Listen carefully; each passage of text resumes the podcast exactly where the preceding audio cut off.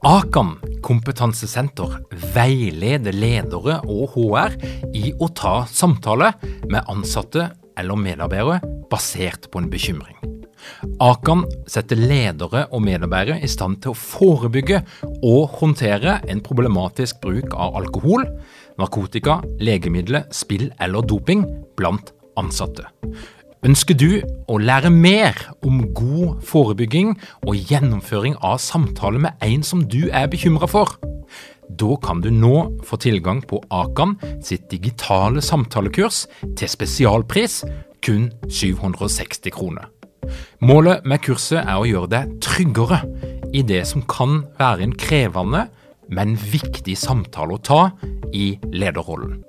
Du får tilgang til kurset med å gå til samtalekurs.no, samtalekurs.no, og bruke kampanjekoden LEDERPODDEN. Tilbudet gjelder ut april. Ønsker du å lære mer? Ledernettverket er et digitalt nettverk for ledere som ønsker oppdatert forskningsbasert kunnskap, inspirasjon og regelmessig faglig påfyll for å være best mulig rusta til å lede i dag og i framtida.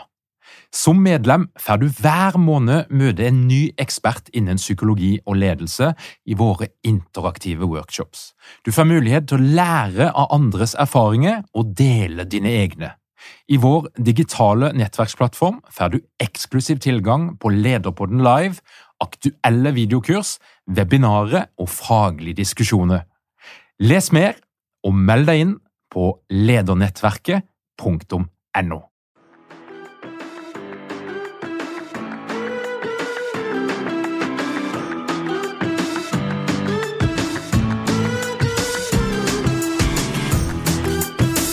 Velkommen til Lederpodden. Mitt navn er Tor Åge Eikerapen. Jeg jobber som organisasjonspsykolog, og dette her er en podkast om ledelse.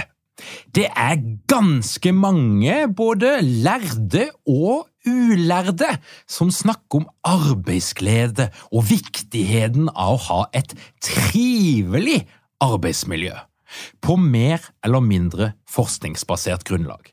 Men er det egentlig trivsel, kos og glede som skal til for at vi gjør en god jobb? Marit Christensen hun er førsteamanuensis ved Institutt for psykologi på NTNU, og hun har skrevet en doktorgrad i arbeids- og organisasjonspsykologi med spesielt fokus på positiv arbeidshelsepsykologi. I denne episoden så gir hun deg svaret på som er definisjonen på jobbengasjement, og hva som skal til for å skape det. Og i det hele tatt, er det mulig for deg som leder å påvirke dine medarbeideres jobbengasjement. Og allerede nå så kan vi røpe at trivsel er ikke det samme som jobbengasjement. Velkommen til Lederpodden, Marit. Takk for det. Hyggelig å være her. Jobbengasjement det er det som mye av din arbeidshverdag handler om, men, men hva er det som er din faglige lidenskap? Hva er det du brenner for å finne ut av? Ja, eh, jeg brenner jo for jobben min og føler at jeg er veldig heldig som får være i den situasjonen at jeg får eh, sitte og forske på de her tingene. Ehm, eh, det som ligger hjertet mitt nærmest, er vel det her positive arbeidshelsepsykologien. Hva er det som får ting til å fungere? Hva er det som gjør at folk har det bra på arbeidsplassen? Hva er det som skaper engasjement? Hva er det som skaper positiv helse? Sunne endringsprosesser? Eh, det syns jeg er spennende. Og så syns jeg òg eh, at det er veldig spennende å se eh, hva er det som skjer i praksis. Når vi skal på en måte i gang med endringsprosesser, prøve å skape mer engasjement eller skape sunne endringsprosesser. Hva er det som foregår i den prosessen? Hva er suksessfaktorene?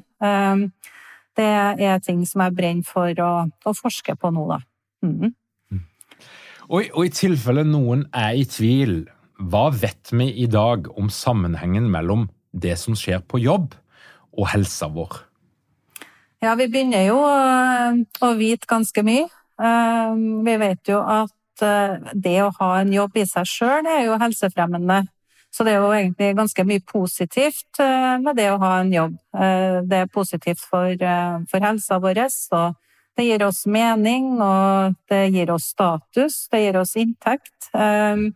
Eh, og, og, er rett og slett bra for oss. Men vi vet jo òg at eh, jobben eh, kan være belastende på mange vis. Det kan oppleves som stressende, det kan føre til utbrenthet. Vi kan få arbeidsrelaterte helseskader, og mobbing kan være en del av det. Så det er mange ting som på en måte knytter jobben vår både på en positiv og negativ måte til til helsa vår, da. Mm. mm. Men den tida der vi liksom tenkte at det som skjer på jobben, det blir på jobben, og det som skjer hjemme, blir hjemme, den er vi forbi, tror jeg. Absolutt. Eh, det er jo mye mer helhetlig fokus på det nå. Det er jo veldig mye snakk om den her eh, arbeid-familie-balansen, f.eks. Eh, det har det også vært mye fokus på nå i denne pandemitida, hvor man har kanskje viska ut det her grenselandet mellom arbeid og familie, og derfor også fått større problemer med å skille de to arenaene. De fører at folk er kanskje mer på arbeid enn de har vært før, eh, og noe som går utover familielivet. Det kan jo også oppleves som omvendt i perioder. Så den totalbelastninga eh, som folk opplever, er jo ikke bare på jobben, men det er jo samla sett eh, hele situasjonen man er i.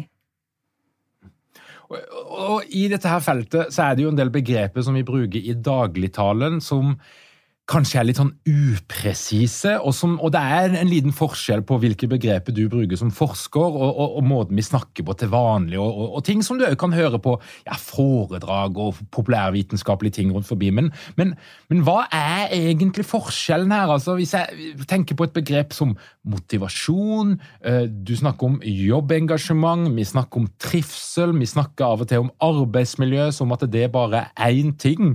Kan, kan, kan, du hjelpe meg litt å, rydde litt i de her eh, begrepene? Ja, det er jo et, eh, et, veldig godt spørsmål, og jeg tenker at det er viktig å tenke gjennom de her tingene. Eh, hva er det egentlig? Hva betyr det egentlig? De lærde strides jo litt òg innenfor hva, hva det her egentlig er. Men jeg kan jo starte på en måte med det her med arbeidsmiljø og psykososialt arbeidsmiljø, som vi ofte snakker om da, i psykologien. Det er jo på en måte de psykologiske forholdene og de sosiale forholdene på um, arbeidsplassen som er med å påvirke både helsa vår og eh, vår eh, velvære og, produktivitet. Eh, og inn i det så snakker vi jo både om hva det er, med, hva det er som er med å motivere oss, men òg hva slags faktorer som er med å skape helsereduserende prosesser, da, kan du si. Eh, og inn i dette her eh, så har du både eh, det som er med å skape det, altså de kravene og ressursene som vi opplever på jobben, de bidrar jo enten til f.eks. motivasjon, og er det fravær av ressurser og veldig mye krav, så kan det bidra til en helsereduserende prosess. Da. Mm. Men hvis vi ser på denne motivasjonsbiten, så er jo f.eks. jobbengasjement ganske tett knytta til motivasjon, en del av en motivasjonsprosess. Eh, trivsel er også en veldig viktig del av det psykososiale eh, arbeidsmiljøet som et utfall av de her kravene og ressursene som man har. Men det er mer knytta til en slags evaluering av jobben, og ikke så tett knytta til motivasjon som det jobbengasjement da vil være. Så derfor så skiller vi jo gjerne på de her begrepene um, i forskninga, og det er litt interessant i forhold til um, ja, for en leder f.eks. å bestemme seg for um, hva er det jeg ønsker å endre, uh, og hva må jeg gjøre for å oppnå akkurat den endringa? Ønsker jeg å jobbe med å øke produktiviteten, mm. eller Ønsker å få ned sykefravær? Eh, hva, hva er på en måte målet med det jeg gjør? Og da er det viktig å vite noe om de her begrepene og hva de faktisk fører til. Da. Jeg kan jo òg nevne noe som jeg syns er veldig interessant. Man har laga en slags sånn klassifiseringssystem i forskninga. Hvor man har prøvd å klassifisere hva som er forskjellen på f.eks. For tilfredshet eller trivsel og jobbengasjement og utbrenthet og arbeidsnarkomani. Så har man delt det inn i, i fire deler, for dette er jo en slags um, en sekkebetegnelse som er sånn subjektiv well-being. Da. Men under det så er det fasetter som gjør dem forskjellige. Og da har du det her aktiveringsbiten som hvor, hvor, man kan se for meg at de engasjerte de er litt mer aktive i måten de møter arbeidet sitt på. De liker det de gjør. Mens eh, en som eh, trives, er mye mer avslappa, ikke så aktivert, men de har det også veldig bra. Men de er mer, eh, mer rolig i tilnærminga si. En som er utbrent, har jo heller ikke den aktiveringa. De er utmatta, de er sliten, ehm, trøtt. Og, og, har det ikke bra på jobb. De arbeidsnarkomane har det heller ikke bra på jobb, men de har den der aktiveringa. Så det syns jeg er en veldig fin måte å, å, å, vise til hva som kan være skillet mellom de her begrepene. Og eh, hva er forbindelsen? Kan en tenke seg at høy grad av jobbengasjement kan øke risikoen for utbrenthet, f.eks.? Ja, det har jo vært en del eh, studier på det. Eh, så det er jo et, et godt og betimelig spørsmål, tenker jeg. Det er en sånn gråsone der, på et vis. Forskninga viser jo at jobbengasjement hovedsakelig er positivt, og at engasjerte folk virker å i mindre grad blir utbrent. Men det er klart, engasjerte mennesker blir ofte også ja-mennesker, tenker jeg. At de tar på seg litt for mye. Og så kommer man inn på det du snakka om i sted her, det her med arbeid-familiebalansen. Og blir det veldig mye på hjemmefronten, i tillegg til at man har tatt på seg eh, litt ekstra på jobb, så kan det fort bli for mye. Og da kan man være i risikosonen for eh, å bli utbrent. Ehm, men eh, vi gjorde en studie på det her sammen med en tidligere masterstudent. Og da fant vi at jobbengasjement er hovedsakelig positivt, ehm, men kan føre til økt grad av eh, arbeid-familie-konflikt. Eh, fordi at eh, når man er engasjert, så blir man gjerne veldig oppslukt i det man gjør. Glemmer både tid og sted og er i øyeblikket i den oppgaven man holder på med. Og da er det lett å bruke litt mer tid og kanskje glemme å være til stede hos familien eller i fritida si, da. Så det er vel det forskninga peker mest på kan være problematisk. Så det, det er den balansen der man kommer tilbake til, da. Så du kan lettere komme opp i en sånn rollekonflikt mellom de forventningene som er til deg hjemme, og de forventningene som er på jobb, eller som du stiller til deg sjøl, rett og slett? Ja, da, jeg tenker at det ligger mye, mye forklaring der. ja. Mm. Og, og, er det ledere bør være mest opptatt av? Altså Nå forenkler jeg det litt, for det kommer jo litt an på hvilken type arbeidsplass det er, konteksten, grad av prestasjonskrav og den slags. Men, men, men hva er det ledere bør tenke mest på? Er det å legge til rette for trivsel eller jobbengasjement? Jeg tenker at eh, både trivsel og jobbengasjement er veldig viktig. Eh, og at eh, ledere bør eh, legge til rette for både trivsel og, og jobbengasjement. Absolutt. Men eh, det som jeg tenker kan være hovedbudskapet her, det er å tenke litt hva er visjonen min? Hva er det jeg vil oppnå med å gjøre den endringa eller det tiltaket jeg tenker på? Um, og, og se på hva det er. Er det på en måte en økt produktivitet jeg ønsker å oppnå, så er det kanskje lurere å se på de tingene som er med å skape jobbengasjement. Um, uh, mens uh, folk gjør ikke uh, den analysen der ofte nok, tenker jeg. Så um, hvis man på en måte innfører fruktkurv på jobben, f.eks. som et tiltak, så er jo det bra for ansatte sin helse. Det er et godt tiltak som folk sikkert kommer til å sette pris på. Men det er tvilsomt at det fører til en økning i jobbengasjementet. Da bør man jo gå mer direkte inn på ting som påvirker opplevelsen av hvordan man utfører arbeidsoppgavene sine. Og det er det jo egentlig de ansatte sjøl som vet mest om. Og da kommer man jo inn på et begrep som heter jobcrafting, altså hvordan ansatte former eh, jobben sin på en sånn måte at det motiverer dem mest mulig. Eh, og det å spørre ansatte om hva det er som skaper engasjement hos dem, hva det er som motiverer dem, eh, blir viktig da. Da kan man jo si altså det kan jo handle om hvem man samarbeider med, hvordan man tenker rundt ting, eh, hva slags oppgaver man vil utføre mer av, hva man vil utføre mindre av, eventuelt hvordan man kan redusere en veldig høy belastning. Ehm, og det, det, er jo eh, ting som må eh, gjøres i samråd mellom leder og, og ansatte, tenker jeg. Mm. Og Da hører jeg òg at det er ikke noe sånn one size fits all her. altså Det er en dialog mellom den enkelte og leder. Men, men tilbake til lederen. Hvor mye kan en leder påvirke jobbengasjementet hos den enkelte? Og viktig er egentlig lederen i moderne arbeidsliv? Mm. Ja, så vi har jo eh, en del ledere som eh, Eller en del eh, forskning som sier at lederen har en veldig stor betydning. Og en leder kan være den faktoren som bidrar til at man lykkes, men kan også være den bidrag, bidragsyteren som fører til at det mislykkes. Men det er jo ikke alltid at lederen er på en måte skurken i det skuespillet her. For det er jo mange faktorer som gjør det vanskelig for lederen å, å gjøre jobben sin på en god måte.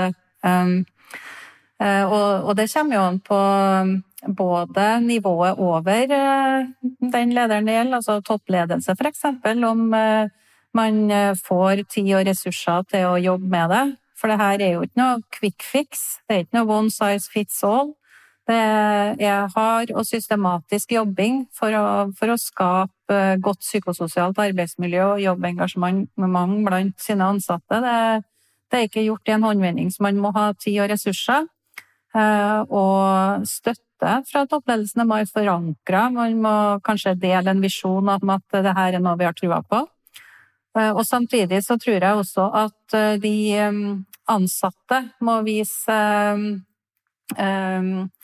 at de er med, er med her og, og viser medvirkning, viser at de er med og kan gjøre lederen god for å få til det her jobbengasjementet. Altså en slags medarbeiderskap tror jeg lederen trenger for å, for å lykkes.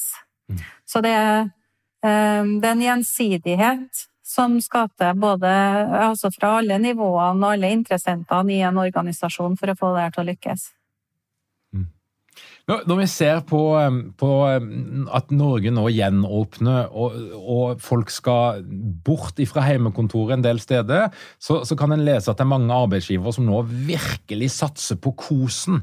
Altså De legger til rette for eh, et vanvittig mattilbud, det skal være gøy å være på jobb, folk skal, skal egentlig bli dratt mot arbeidsplassen fordi det er et så kult sted å bare henge ut.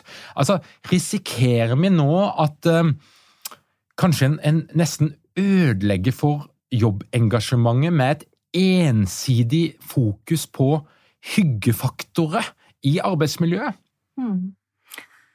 Ja, altså eh, Det blir jo spennende å se noe, hva som skjer når folk skal tilbake. For det er klart at um, hjemmekontor og, fjernarbeid, eh, det gjør det vanskeligere å jobbe med det psykososiale arbeidsmiljøet eh, for kollegaer mellom, og for, eh, for lederen, selvfølgelig. Men jeg, tenker jo på den ene sida at det er jo positivt at arbeidsplassene ønsker å, å ønske folk velkommen tilbake igjen på en god måte som gjør at jeg eh, tenker jeg har en følgeeffekt. Da, at arbeidstakerne vil føle seg sett og anerkjent og verdsatt. Så sånn sett så tenker jeg at det kan være en, en positiv eh, effekt av eh, denne måten å, å, å få folk til å komme tilbake på, på jobben. Da. Og det, det, tror jeg nok man vil sette pris på. Men det er jo kanskje noen utfordringer som krever sterkere tiltak når folk skal tilbake. Det er ikke sikkert at det er alle som har eh, opplevd denne tida som god. Kanskje man har mista motivasjon, kanskje man ikke har fått og gjort jobben sin på noe særlig god måte og gruer seg tilbake, eh, til å tilbake. Kanskje en del har slitt med mm, mentale utfordringer i den tida som har vært, med mye engstelse, kanskje depresjon, isolasjon. Å få dette her tilbake krever nok en annen type tiltak eh, eh, som, som, man må, må, se nærmere på. Så jeg tenker at eh, det eh, er et komplekst bilde, eh, men at eh, man aktivt må, må, gå inn og se på hva er det den enkelte trenger, og ikke glemme av de sårbare gruppene. For jeg tenker at det der den største innsatsen trenger å legges ned nå, da, når vi skal tilbake. Men det er jo òg interessant å se hva som skjer fremover når det gjelder fortsettelsen av hjemmekontor og fjernarbeid. Da. Ehm, og hvordan man kan få det til å være en god ting med hjelp av fleksibilitet og eh, at ansatte sjøl får bestemme hvordan man kan kombinere både hjemmekontor og, det å være fysisk på jobben. Eh, og det er klart at det skaper nye utfordringer for, eh, for leder, men også muligheter, tenker jeg, når det gjelder det psykososiale arbeidsmiljøet. Da. Og, og er det viktigste ledere gjør da, i en sånn post-pandemitilstand som, som vi nå er i, der da lederen har kanskje litt mindre innflytelse på den daglige delen av det psykososiale arbeidsmiljøet. Men, men hva er det viktigste ledere foretar seg for å bidra til jobbengasjement og et sunt psykososialt arbeidsmiljø? Mm. Jeg tenker at eh, det er viktig at man får en oversikt over situasjonen. Hvordan eh, opplever folk, eh, folk situasjonen? Hva trenger, hva trenger man for å, for å, få til å gjøre jobben sin på en god måte? For å, få, for å få til å trives? For å få til å skape det her engasjementet? Hva må, hva må til? Så jeg ville ha gått ut og og spurt de ansatte, eh, få til gode medvirkningsprosesser for å finne ut hva, eh, eh, hva folk trenger for å, for å lykkes. Da. Så jeg vil gjerne slå Er dere mange ledere uten trening eller utdannelse innen ledelse? Mangler dere en felles kultur og praksis for ledelse? Ønsker dere å være bedre rustet for fremtidig vekst og endring? Da kan et internt lederutviklingsprogram være en god investering. I Execu så er vi eksperter på å designe og gjennomføre bedriftsinterne lederutviklingsprogram.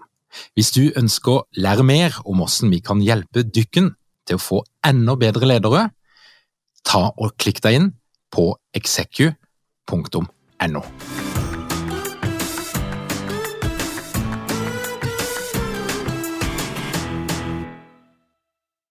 et slag for, eh, for, å gå den veien. Ja. Mm -hmm. Og eh, du, du, jobber jo med, med en arbeidsmiljøundersøkelse, en, en, metodikk og et system for å, for å måle nettopp det psykososiale arbeidsmiljøet i virksomheter. Altså så ARK, som blir brukt i hvert fall i universitet- og høyskolesektoren. Den blir kanskje brukt andre steder òg, men det er altså en norsk utvikla eh, arbeidsmiljøundersøkelse som jeg tenker at ikke nødvendigvis bare den, men alle sånne type undersøkelser kan jo være et verktøy for ledere til å forstå mer om hva som skjer. Men, men, veldig ofte så er jo de her undersøkelsene noe som kommer én gang i året eller to ganger i året. altså Det er ikke helt sånn ferskvare. Og, og tenker du, hva er på en måte, hvordan skal vi hva skal vi tenke rundt arbeidsmiljøundersøkelse som et verktøy for å utøve god ledelse? Mm. Ehm, jeg tenker, altså, eh, Du refererer jo til ARK, som er arbeidsmiljø- og klimakartleggingsverktøy for universitet- og høyskolesektoren i, i Norge. Det består jo egentlig av mer enn en kartlegging av arbeidsmiljø. Det består jo også av maler for hvordan man skal kjøre prosessen både forut for den kartlegginga og gjennom implementering av tiltak som en følge av det eh, man kommer frem til i kartlegginga. Så ideen er at det skal føre til systematisk arbeidsmiljøarbeid eh, over eh, tid. For jeg tenker at én ting er jo selve måleinstrumentet man bruker. Der er det viktig at spørsmålene som stilles er tilpassa sektoren, sånn at man får tak i det som kjennetegner den konteksten man, man jobber i, og at man, eh, at man kan tro på at det man måler, faktisk er det man måler. Eh, at man har gode, validerte eh, måleinstrument som man bruker. Det tenker jeg er, er viktig. Men ofte så er jo de her spørreundersøkelsene veldig individorientert. De er litt abstrakt. For vi kommer inn på de mer psykologiske begrepene. Hva, hva, ligger egentlig i anerkjennelse og sosial støtte og autonomi når vi skal tenke tiltak? Hvordan kan vi klare å gå fra de her um, abstrakte begrepene til konkrete tiltak? Der er det jo en utfordring. Så det er jo selve kartleggingsinstrumentet, men jeg tenker at den prosessen rundt er vel så viktig fordi at jobben den starter jo etter at man er ferdig med kartlegginga og finner ut hva, hva skal vi gjøre da, når vi ser denne profilen som kommer ut av det her. Hvor eh, er det for mye krav? Eh, er det mangel på ressurser? Eh, hva er det som er bra, som vi kan ha mer av? Hva er det vi må forbedre og gjøre noe med? Så jeg tenker at man bør starte med en god forberedelsesfase, hvor man forankre godt at her har vi en visjon med, her, har vi en plan med det arbeidet vi vil gjøre. Vi har eh, en felles forståelse av hva det her skal brukes til, hva som skal gjøres. Vi har planlagt prosessen. Og så kjører man eh, kartlegginga når alle sammen eh, på en måte er moden for å være med på denne endringa, da. Mm. Eh, og så kommer man jo til på en måte denne utviklinga av eh, gode tiltak. Eh, og implementering av dem. Eh, og eh, det er jo ofte sånn at selv om intensjonen er god, eh, så kan jo det skje mye rart i den implementeringsfasen. Det viser jo forskninga at i veldig mange av tilfellene, dessverre, så går det ikke sånn som forventa. Og man får ikke de positive effektene som man hadde sett for seg. Og grunnen til det er jo folkene, da. Menneskene som man eh, eh, skal ha med seg i denne prosessen, som ikke på ene sida har forstått hva det her handler om, ikke syns det er en god idé, ikke er motivert, har vært med på det her før og har dårlige erfaringer osv. Eh, det må jobbes for å få dem med. Og så må det implementeres og følges opp. Man må kommunisere rundt det. Og noe som jeg syns er veldig viktig, er det at man må evaluere etterpå. Hva kom ut av det? Hva er det som fungerer for hvem? Under hvilke omstendigheter er det det fungerer, og hvorfor fungerer det egentlig? Eh, hva slags mekanismer er det vi har funnet som gjør at vi eh, får til dette på en god måte, som vi kan gjøre mer av? Og så kan man på en måte systematisk jobbe og få til læring i organisasjonene eh, gjennom det, da. Ja. Det er krevende greier. Altså, og, det er jo, og det er jo sånn at i, i, i, Norge så har vi noe som heter internkontrollforskriften, som, som, som, sier noe om at hvis du er leder av en virksomhet, nesten uansett størrelse, så har du altså en plikt til å monitorere og følge med på arbeidsmiljøet. Så det forteller ikke nødvendigvis hvordan du skal gjøre det, men du må på en eller annen måte ha et eller annet system mm. som ikke er helt tilfeldig der du følger med på hva som rører seg i arbeidsmiljøet. Og, og, og, Hva er din opplevelse av modenheten i Norge når det gjelder å følge dette her? Altså, Hvor gode er norske virksomheter til å faktisk systematisk følge med på arbeidsmiljøet sitt og sette inn tiltak når det er nødvendig? For det er jo et kommersielt marked er jo dette her, med massevis av aktører. Det er noe som kalles for pulsmåling, det er arbeidsmiljøundersøkelse, det er mange forskjellige navn på det. Men, men har du noe inntrykk av det, du som er litt innenfor dette her feltet? Mm.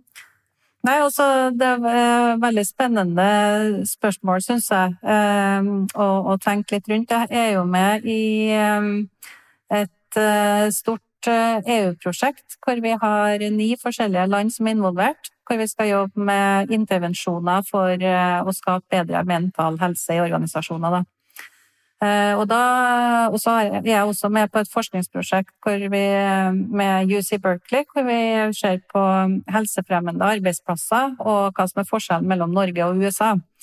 Eh, og sett i lys av eh, hvor andre land er på det, det her temaet, så vil jeg jo si at norske ledere av Norge er langt frem Eh, vi har jo på en måte retningslinjer, vi har et lovverk eh, som, eh, som gjør det lettere for oss å, å, jobbe med de her tingene. Men samtidig så, så peker du jo på det her med at det her er krevende for en leder. Det er tidskrevende i en allerede travel hverdag. Det er ressurskrevende å jobbe med det. Og så er det det med kunnskapen rundt det òg. Har man det? Eh, så, så jeg tror, eh, jeg tror utfordringa kanskje for, for, norske ledere hovedsakelig altså, Jeg tror nok at eh, de fleste forstår behovet og gjerne vil jobbe med det, men at utfordringa ligger i tida og ressursene for å få det til. Eh, og at eh, i f.eks. Eh, små og mellomstore bedrifter som vi har mye av i Norge, offentlig sektor, så er det ikke så mye ressurser til å hjelpe oss med det. Vi har ikke så mye lederstøtte. Det er ikke bare å hente inn konsulentfirma for å jobbe med det, for det er det rett og slett ikke ressurser til i mange organisasjoner. Så det er nok noe med å ta det innover seg òg, som noe som kan være en utfordring for norske ledere. Men jevnt over så vil jeg si at, eh, jeg har eh, møtt på veldig mye eh, positivt engasjement rundt den type jobbing. Mye gode spørsmål og lyst til å, å lære mer om det, hvordan man kan få det til. Mm. Psykisk helse er jo noe som mange snakker mye mer om eh, nå enn det vi gjorde før covid. Det er min subjektive opplevelse. Altså når en eh, leser i avisen, når en snakker med ledere, så, og, og, når en kikker rundt forbi på sosiale medier, LinkedIn og den slags, så er det en helt annen form for åpenhet og fokus, og mange flere virksomheter som gjenger litt i bresjen og sier at vi ønsker å snakke om psykisk helse, vi ønsker å legge til rette for en god psykisk helse, og det vil jeg jo si er en vanvittig positiv endring fra åssen det har vært tidligere. Men så er det jo lett at dette her blir en litt sånn reklamekampanjeaktig greie, der vi snakker litt fint om det og, og holder noen taler og viser oss litt fram når anledninga byr seg, men så stopper det opp, og så blir det ikke så mye mer ut av det. Men, men, hva er det som kjennetegner de virksomhetene og de lederne som klarer å gjøre en forskjell da, for den psykiske helsa til sine medarbeidere? Hvis vi tenker at jobben er en faktor i hver enkelts psykiske helse. Det handler ikke bare om jobb, men jobben er en faktor. Men hva gjør de som er flinke, eller hva burde de ha gjort? Mm. Ja, um det, det, er jo heller ikke noe sånn fasitsvar på, på det, tenker jeg. Det, det, kommer jo litt an på, på kontekst og organisasjon og, og, hvem man er. Men jeg tenker um, denne forståelsen eh, som ligger til grunn, at det er jo faktisk en vinn-vinn-situasjon å legge til rette for et godt psykososialt arbeidsmiljø og god mental helse på jobben Eh, fordi at det forskninga viser, er jo at det er nært knytta til produktivitet. Um, og det er jo et språk som eh, både bedriftseiere og ledere gjerne vil høre på. Eh, så gjennom å skape et godt psykososialt arbeidsmiljø, godt engasjement, så skaper du også produktivitet. Og den forståelsen av det, den er viktig å ha med seg, for da Eh, skaper du også bærekraftige organisasjoner. Ikke bare eh, eh, engasjerte ansatte, men også eh, sunne, produktive organisasjoner som er bærekraftige over tid. Da. Så den forståelsen som ligger til grunn der, tenker jeg er, er viktig. Men eh, jeg tror når jeg ser på egen erfaring rundt det med arbeidsmiljøundersøkelser og jobbing med det psykososiale arbeidsmiljøet, så ser jeg at det blir veldig mye fokus rundt det som har med måling av arbeidsmiljø å gjøre. Det krever mye tid og krever mye ressurser å få gjort ei god sånn kartlegging. Men så blir det mindre tid og mindre fokus på den jobbinga som skjer etterpå. Og jeg tror at dem som lykkes, det er dem som klarer å overføre eh, det her inn i den daglige drifta. Eh, dem som klarer å jobbe med arbeidsmiljøet hver dag lite grann hele tida. Eh, det er ikke noe som man gjør i, i skippertak, men eh, man tenker det inn i alle ting man gjør på arbeidsplassen. Sånn at det går kontinuerlig, systematisk, år etter år, den, den jobbinga. At man ser betydninga av å skape et godt psykososialt arbeidsmiljø. Mm. Og så sa du noe i stad om at det handler litt om har du ressursene som skal til for å gjøre en, en god jobb? Er det en balanse mellom det presset og de kravene som er stilt mot deg, og, og det du faktisk har mulighet til å gjøre? Er, det noen andre sånn spesifikke faktorer, om det er relasjonen mellom kollega eller med leder, som, som vi vet gjør noe med den psykiske helsa? Mm. Um jeg tenker at uh, Altså, når man snakker om psykisk helse, uh, hva definisjonen på psykisk uh, helse er, så har du både måte den der positive sida av det, den der sida som handler om well-being. Hva er det som skaper engasjement og den, den biten der? Det er jo på en måte mer sånn helsefremmende faktorer. Men de faktorene eh, som går på det her med støtte fra leder, støtte fra kollega, anerkjennelse, oppleve av, av, autonomi og ansvar og de bitene der, det er jo med å, å skape en eh, positiv mental helse, da, hvis man kan, kan si det enkelt. Og den eh, eh jobbinga med det vil jo også være forebyggende med tanke på eh, mental uhelse. Ehm, så jeg tenker at man må ha begge de prosessene i, i bakhodet. At man må jobbe for å eh, behandle og ta tak i det når det har blitt problemer og sykdom. Så må man på en måte jobbe aktivt med å f.eks. få folk tilbake i jobb, skape eh, gode tilbakeføringsrutiner, eh, oppfølging og sånne ting. Eh, men man må også jobbe med forebygging eh, og helsefremming på de positive faktorene for å skape et godt psykososialt arbeidsmiljø, for det vil også bidra både til at folk ikke blir syke, eh, man reduserer stigma, og, samtidig gjør det det lettere og mer attraktivt for folk å komme tilbake til jobb hvis man har opplevd mental sykdom. Hvis vi, hvis vi, skal zoome ut litt altså Du har vært i, i dette her feltet og forska i, i, i, mange år. Um, og hvis vi skal tenke på åssen vi i Norge i hvert fall tenker rundt jobb og helse, hva er de største endringene som har skjedd de siste 20 årene? Og er det som er forskjellig i dag fra det det var på begynnelsen av 2000-tallet eller slutten av 90-tallet? Mm. Jeg tror nok at um det har eh, eh, skjedd en ganske stor utvikling og endring, både på godt og vondt, skal jeg til å si.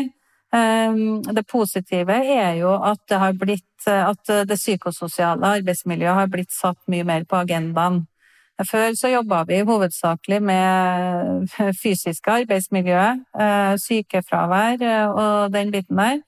Um, lyd og lys, og, og det var jo hovedsakelig det som bedriftshelsetjenestene jobba med.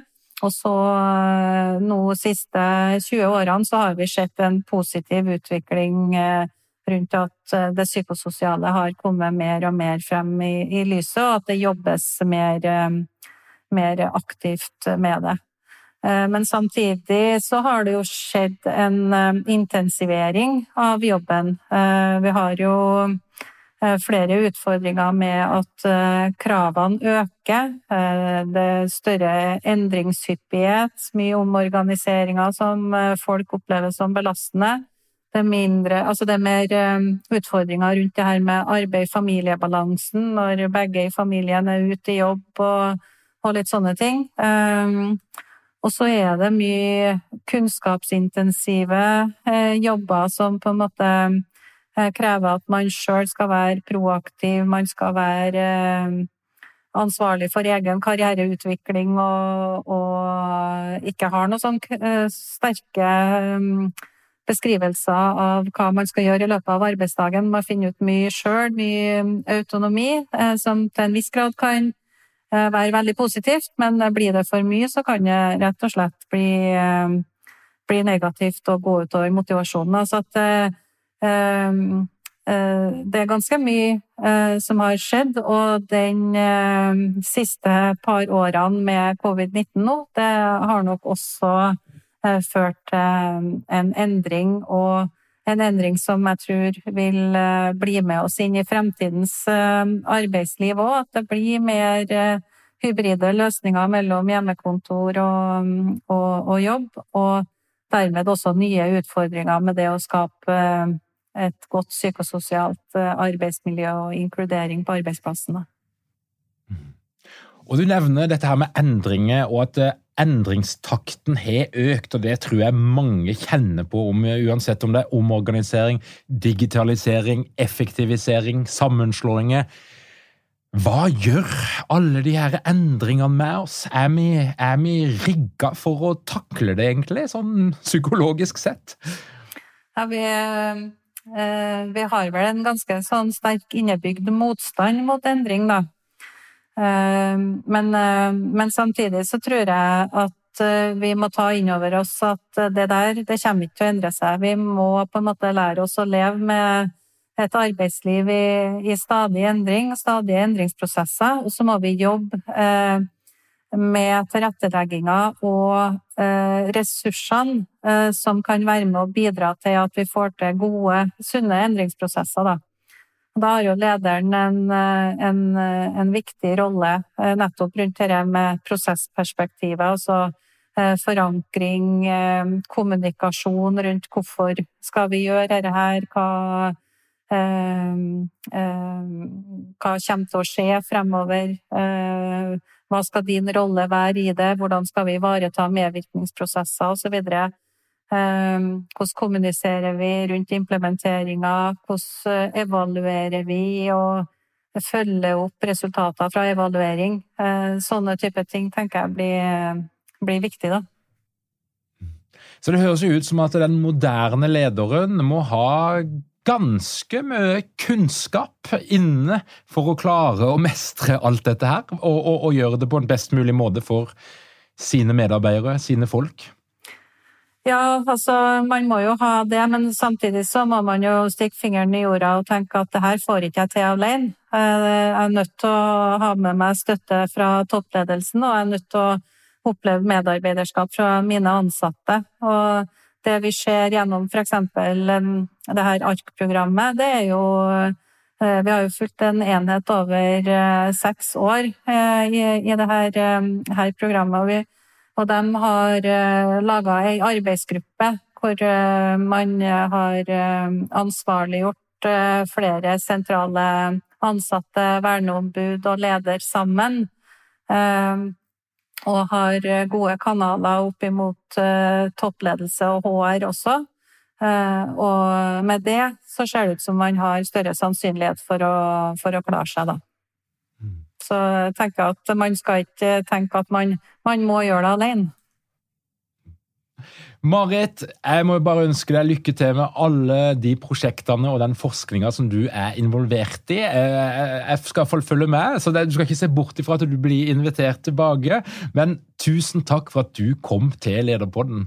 Takk for at jeg fikk komme. Veldig spennende, interessant samtale. Og til deg som hører på, ja, hvis du ønsker å følge med på alt som skjer i vårt lederunivers, da er det bare å komme deg inn på lederpodden.no. Trykk på den rette knappen, legg igjen din e-postadresse, og du får et nyhetsbrev rett inn i innboksen hver eneste fredag. Og ønsker du å lære enda mer, ja, så har vi jo en liten klubb som heter Ledernettverket. Og hvis du er nysgjerrig på det, så er det bare å gå inn på ledernettverket.no. Liker du det du hører på her? Ja da, du kan bare gi oss en rating i det systemet som du bruker, så blir enda flere kjent med Lederpodden. Men uansett hva du gjør eller ikke gjør, jeg ønsker deg ei veldig god uke, og vi høres snart igjen.